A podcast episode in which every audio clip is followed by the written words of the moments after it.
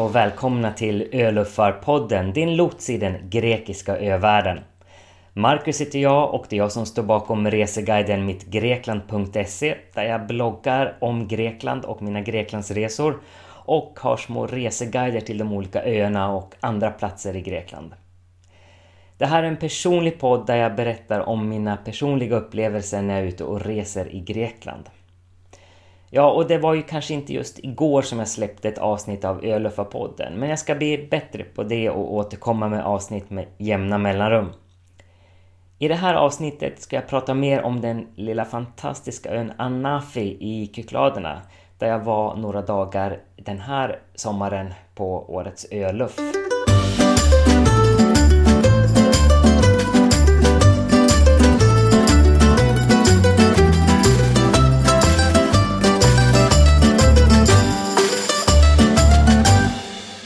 Hade faktiskt inte planerat att åka till Anafi på den här öluffen utan jag hade tänkt att beta av några öar i Dodekaneserna.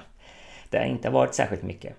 Så jag flög ner från Aten till Karpathos där jag var nästan en hel vecka för att jag fastnade så för den ön. Därefter så åkte jag över till Kassos ett par dagar men därifrån så insåg jag att färjorna inte riktigt gick så som jag hade önskat. Men däremot så såg jag att det gick att ta sig till Anafi uppe i Kykladerna och Kykladerna ligger mig väldigt varmt om hjärtat så att jag bestämde mig för att åka dit istället. Båtresan skulle ta ungefär åtta timmar och inklusive ett par stopp på Kreta. Men i hamnarna där så tog det mycket längre tid än vad som var planerat och vi blev nästan tre timmar sena. Så jag var inte framme på Anafi förrän vid midnatt ungefär. Och då visade det sig att jag var den enda på hela båten, och det här var en ganska stor båt, som skulle gå av här mitt i natten. Till och med personalen frågade om jag verkligen skulle gå av där och jag blev lite misstänksam och tänkte att eh, vad är det här? Men jo, jag skulle av där och där stod jag helt ensam på lastbryggan och såg porten sakta gå ner och ja, jag är ju tre äpplen hög och min ryggsäck är ungefär lika stor så jag kände mig lite märklig där, lika kort som bred när jag möttes av strålkastarljuset ifrån hamnen på Anafi. Och i hamnen där stod nästan 50 personer som skulle därifrån. Och, ja, jag blir lite mer fundersam. Att ingen ville dit men alla ville därifrån. Jag hade i alla fall bokat boende i förväg och jag visste att jag skulle bli hämtad nere i hamnen. Ehm, det var svårt att få en, en, en upplevelse när jag klev i land eftersom det var kolsvart ute men det stod några enstaka rumsuthyrare på plats som hade hoppats på att fler än jag skulle gå och de skrattade lite generat när jag gick förbi dem för att gå fram till den äldre damen som stod med skylten där mitt eh, hotellnamn stod. Eller inte mitt hotell, utan hotellnamnet stod där jag skulle bo. De var ganska trevliga, hade lite svårt att prata engelska men vi hoppade in i den här gamla pickuppen och vi tog sikte mot, mot Shora som ligger högt uppe på berget. Och vi åkte uppåt och uppåt och uppåt. Och det var svårt att få en känsla av vad som fanns utanför bilfönstret för det var helt kolsvart. Men till slut så planade vägen ut och eh, några gatulampor avslöjade att här, här ligger en by i alla fall. Men det var inte många steg vi tog in i byn innan jag blev ledd ner för ett virvar av trappor och fram till ett litet rum med blå dörr. Det var liksom nästan som insprängt i berget. Klockan hade blivit ett framåt natten och eh, vi bytte inte så många ord med varandra när vi kom fram till rummet utan jag blev lämnad ensam och jag klev in i det skarpa, vita, kalla ljusskenet från taklampan. På eh, det marmorbeklädda golvet stod två enkelsängar, ett litet skrivbord, ett kylskåp och en liten bänk. På sängarna låg såna överkast som man hade på 80-talet, eller fall jag hade det i mitt barnrum. Det var såna riktigt mjuka överkast i någon form av material som jag inte känner till. Men oftast var det en bild på en stor tiger eller någonting sånt. Och efter ett tags användande så blev de lite noppriga. Men men, eh, det spelade ingen större roll. Eh, jag ville lägga mig och sova direkt. 11 timmar på en båt, det, det tar lite på, på kroppen och, och, och tröttheten kommer fram. Eh, men när jag lyfte på överkastet så bara rasslade det till av skalbaggar och andra otäcka, odefinierbara insekter som sprang undan från det skarpa ljusskenet och precis intill sängen så fanns en låst dörr och många tog den flyktvägen och springorna där. Eh, jag är inte särskilt petig när det gäller mitt boende, men det där kändes inte mysigt. Men det var ett på natten, jag visste inte var ägaren hade tagit vägen eh, och det var bara att gilla läget. Eh, så att jag hoppade upp på sängen och dansade lite samba för att få bort varenda insekt som hade tagit sängen som sin tillflyktsort. Jag hade valt den vänstra sängen så var alltid på vänster sida och eh, vågade inte chansa på att byta säng till den högra för vad skulle finnas under täcket där tänkte jag. Jag sov kanske inte jättemånga timmar den natten för jag tyckte hela tiden att det kröp och jag hörde hur insekter knaprade och skrapade mot alla möjliga material och samtidigt som termiterna gnagde på ytterdörren.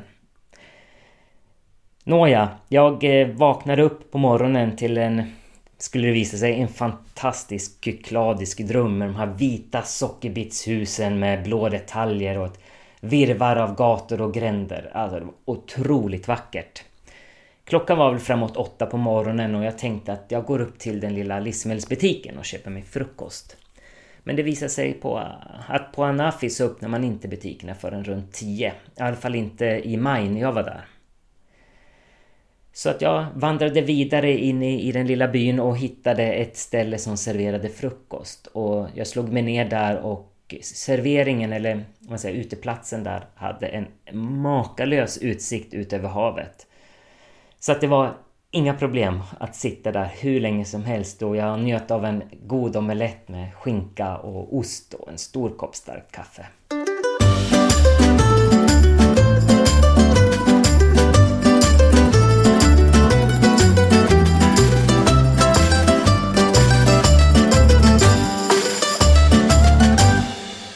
Efter en fantastisk frukost så gick jag tillbaka till mitt insektsnäste för att packa ryggsäcken och ge mig ut på en dagstur. Att leta nytt boende kände jag att jag orkar inte utan det får funka de här några nätterna som jag ska bo här tänkte jag. För att komma till eh, vandringslederna längs kusten måste man naturligtvis ner till kusten igen och ner till hamnen där den startar. Eh, och på sidan om den asfalterade vägen, eller en bit därifrån, finns en vandringsled ner som tar ungefär 20 minuter. Eh, ganska bra ordning gjort och delvis upplyst på kvällen. Det finns faktiskt bara en bankomat på Anafi och den ligger i hamnen och inte uppe i staden där de flesta bor. Det finns några få boenden nere i hamnen också. Och när man kommer ner till hamnen och har Shora ryggen så ligger bankomaten på höger sida strax efter den här kiosken och den ligger i ett litet skjul, ut som ett gammalt utedass. Jag tänkte jag passar på att ta ut lite kontanter nu så jag kan betala både rum och äta mat och inte behöva tänka på några sådana bekymmer. Men fick ett felmeddelande att en kontakt med min bank gick inte att skapa. Det spelade inte så stor roll eftersom jag skulle ut och vandra på dagen och hade med mig matsäck så jag tänkte jag tar det när jag kommer tillbaka. Så jag gick tillbaka upp på den asfalterade vägen ungefär 50 meter, sen ligger starten på vandringsleden där på höger sida och det är som en smal liten stig ut huggen i berget som det startar med när man går upp ovanför eh, hamnen direkt. Och där kan man gå. Man kan gå, gå, gå och beta av strand efter strand efter strand. Det är en jättefin upplevelse och det är ingen svår vandringsväg utan ganska enkel att gå. Och det är bara att stanna vid vilken strand som helst. Det som kan vara är att man ibland kan tappa bort sig lite längs vägen när vandringsleden övergår till en dammig grusväg men med lite letande så hittar man tillbaka till, till stigen igen. Efter en bit in på den här vandringsvägen så kommer man till ett slags palats nästan, alltså en, en enorm villa som ligger byggd längs kusten. Och jag fick veta att det där var egentligen ett svartbygge. På, eh, eller strax efter världskriget, där, andra världskriget, så var det ganska tufft på de grekiska öarna och många emigrerade och på Anafi så var det många som emigrerade till USA. Och nu finns det återvändare som har skapat sig stora förmögenheter i, i USA. Och helt enkelt var det någon som kom hem och kände att här vill jag ha ett hus och byggde det där utan några som helst tillstånd. Det står där och det är jättevackert men när du kommer dit se till att hamna på staketets vänstra sida, eller vänster om staketet. Annars går du in på deras område och det är inte populärt. Vandringsleden sträcker sig ända bort till eh, berget Kalamos med reservation för uttalet och klostret Kalamiotissa som jag ska berätta lite om senare. Jag hade tänkt att gå dit hela vägen men insåg efter ett par timmar att jag inte riktigt hade orken efter en ganska sömnlös natt så att jag vände tillbaka och med rosenröda kinder och med svetten lackande så gick jag tillbaka till bankomaten nere i hamnen för att nu äntligen få ut lite pengar. Men nej, samma felmeddelande igen. Jag visste att jag hade tagit ut lite extra kontanter så att ja, lite käk och så, det skulle jag kunna klara. Utan jag tar det där med bankomaten imorgon istället. Så jag vandrade upp till eh, mitt boende igen. De här eh, 20 minuterna som tar ner till hamnen tar nästan 30 minuter upp kan jag säga. Om man hellre vill åka buss hela den här vandringssträckan så går det också för bussen går på en väg ovanför kusten lite högre upp. Jag tog en dusch och skrev lite anteckningar och kollade lite på mina foton under dagen innan jag gick ut i Anafistad eller Shora för att leta efter någonstans att äta. Ja, det är väl ingen hemlighet att jag älskar gyros så jag letade upp stans gyroställe som ligger en bit in i, i byn.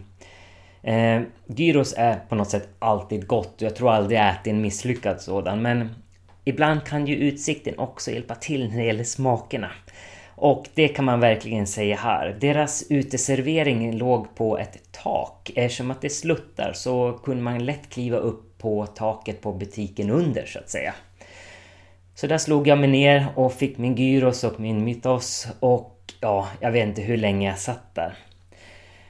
Utsikten är helt makalös så det är faktiskt två gånger i år som jag för första gången på ett sätt upplever en helt annan känsla när det gäller vyer och utsikter. Eh, jag blev helt fylld av, eh, i bröstet av, av någon form av värme och man kan sitta hur länge som helst och titta på det här. Tiden upphör nästan att existera. Och ja, det är jättehäftigt och Anafi är verkligen en sån plats. Eh, det finns flera sådana utsiktspunkter där du kan få uppleva det här skulle jag vilja säga. Så där satt jag, eh, trött i benen efter dagens vandring och turer till bankomaten fram och tillbaka. Och njöt och läste lite i min bok innan jag framåt kvällskvisten där drog mig tillbaka till boendet för att skriva lite blogg och ta mig ett glas Retsina. Utanför mitt rum så hade jag två stolar och ett bord i blått som jag slog mig ner vid och slog upp ett glas Retsina och satt och skrev lite blogg. Min granne som jag faktiskt bara hade hört tidigare kom ut och skulle ge sig ut ganska sent på en middag och vi bytte några korta ord och det visade sig att han var från Australien och det var inte första gången han öluffade i Grekland, men första gången på Anafi. Vi sa inte så mycket mer utan han gick vidare och jag satt kvar där och lyssnade på cikadorna samtidigt som jag satt och skrev. Ja, efter en stund kände jag att det var nog dags för mig att gå och lägga sig. Um, imorgon skulle jag ta bussen till Kalamiotissa-klostret och gå upp för berget där. Dörren som fanns till, intill min säng och som var låst dit insekterna hade flytt i panik visade sig också innehålla husets alla rörledningar. Och nackdelen med att gå och lägga sig lite tidigare än sina grannar är att när de kommer hem och nyttjar kranar och vattenkloasetter så... Ja, det var som att bo bredvid ett vattenfall och nästan så att ljudvibrationerna fick sängen att hoppa över till andra sidan rummet men ingenting som inte ett par öronproppar kunde lösa.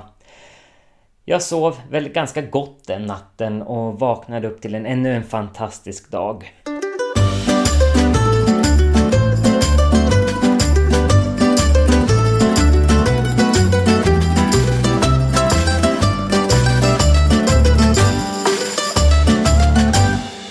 Bussen som skulle ta mig bort till klostret den avgår från torget i byn som ligger på höger sida när man går in i byn. Men man kan lika gärna ställa sig ute vid den asfalterade vägen och bara vinka åt busschauffören så stannar han och plockar upp en. Bussen var ganska full när jag klev på och det visade sig också att australiensaren satt med på samma buss. De flesta de hoppade av vid de olika stränderna och tänkte njuta av dagen på, på stranden helt enkelt. Men vi var fem stycken kvar som åkte till slutstationen eller ändhållplatsen vid klostret. Det var jag, australiensaren och tre greker. Maria som hade hand om boendet, hon hade sagt till mig att med min fysik så borde jag ta mig upp på ungefär 30 minuter på berget. Men australiensarna hade fått veta att det nog skulle ta två och en halv timme upp så vi hade fått väldigt olika tider där. Eh, skylten som fanns där man väntade på bussen så stod det att det skulle ta en timme och en kvart upp. Vi började genast räkna ut hur lång tid det skulle ta att gå fram och tillbaka om vi skulle hinna med eftermiddagens buss tillbaka.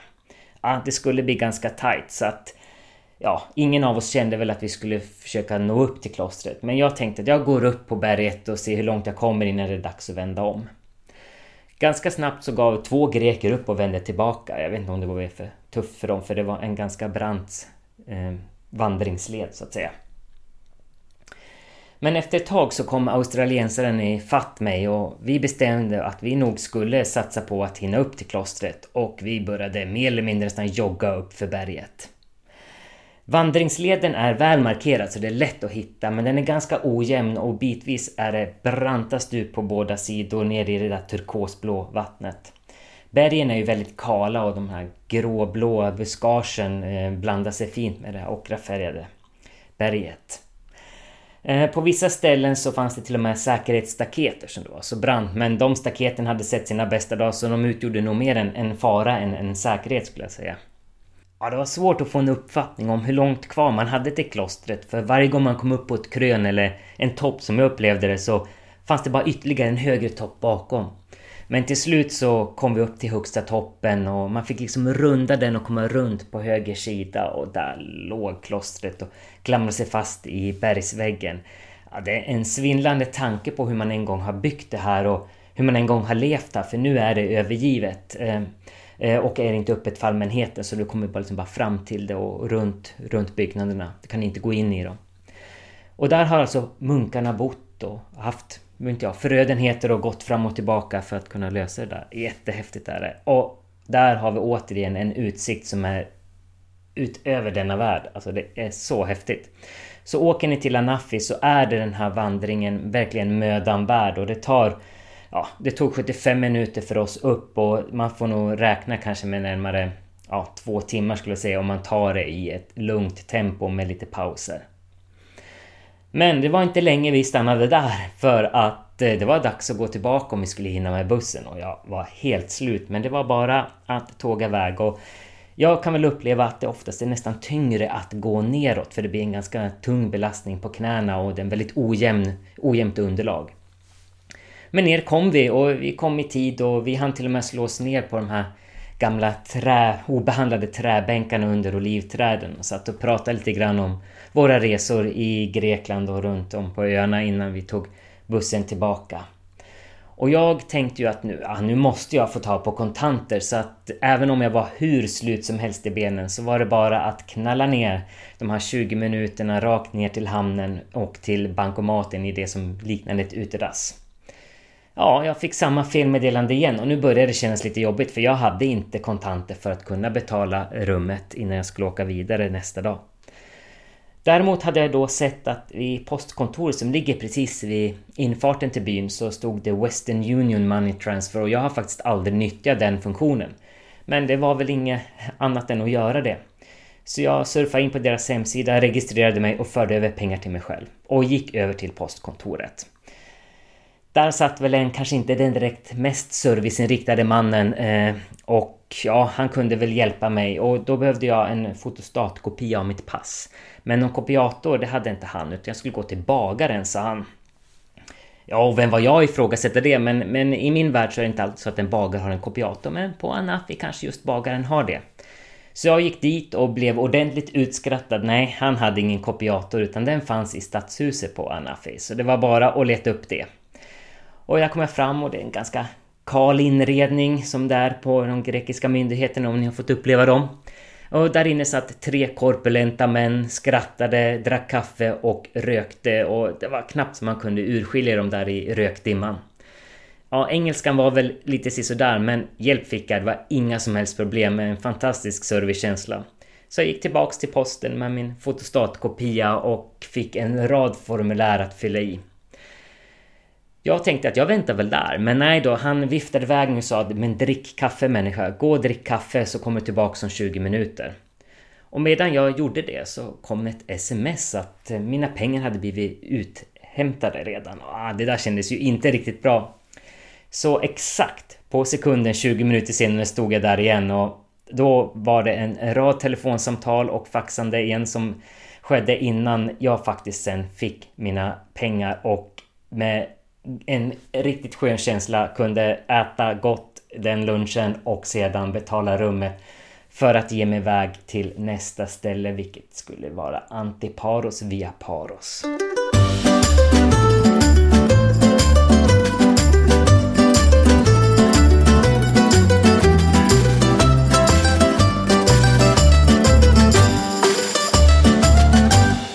Anafi var en riktigt häftig upplevelse med några få minus men med väldigt många plus. Och jag är enormt förtjust i de här små öarna i Kykladerna.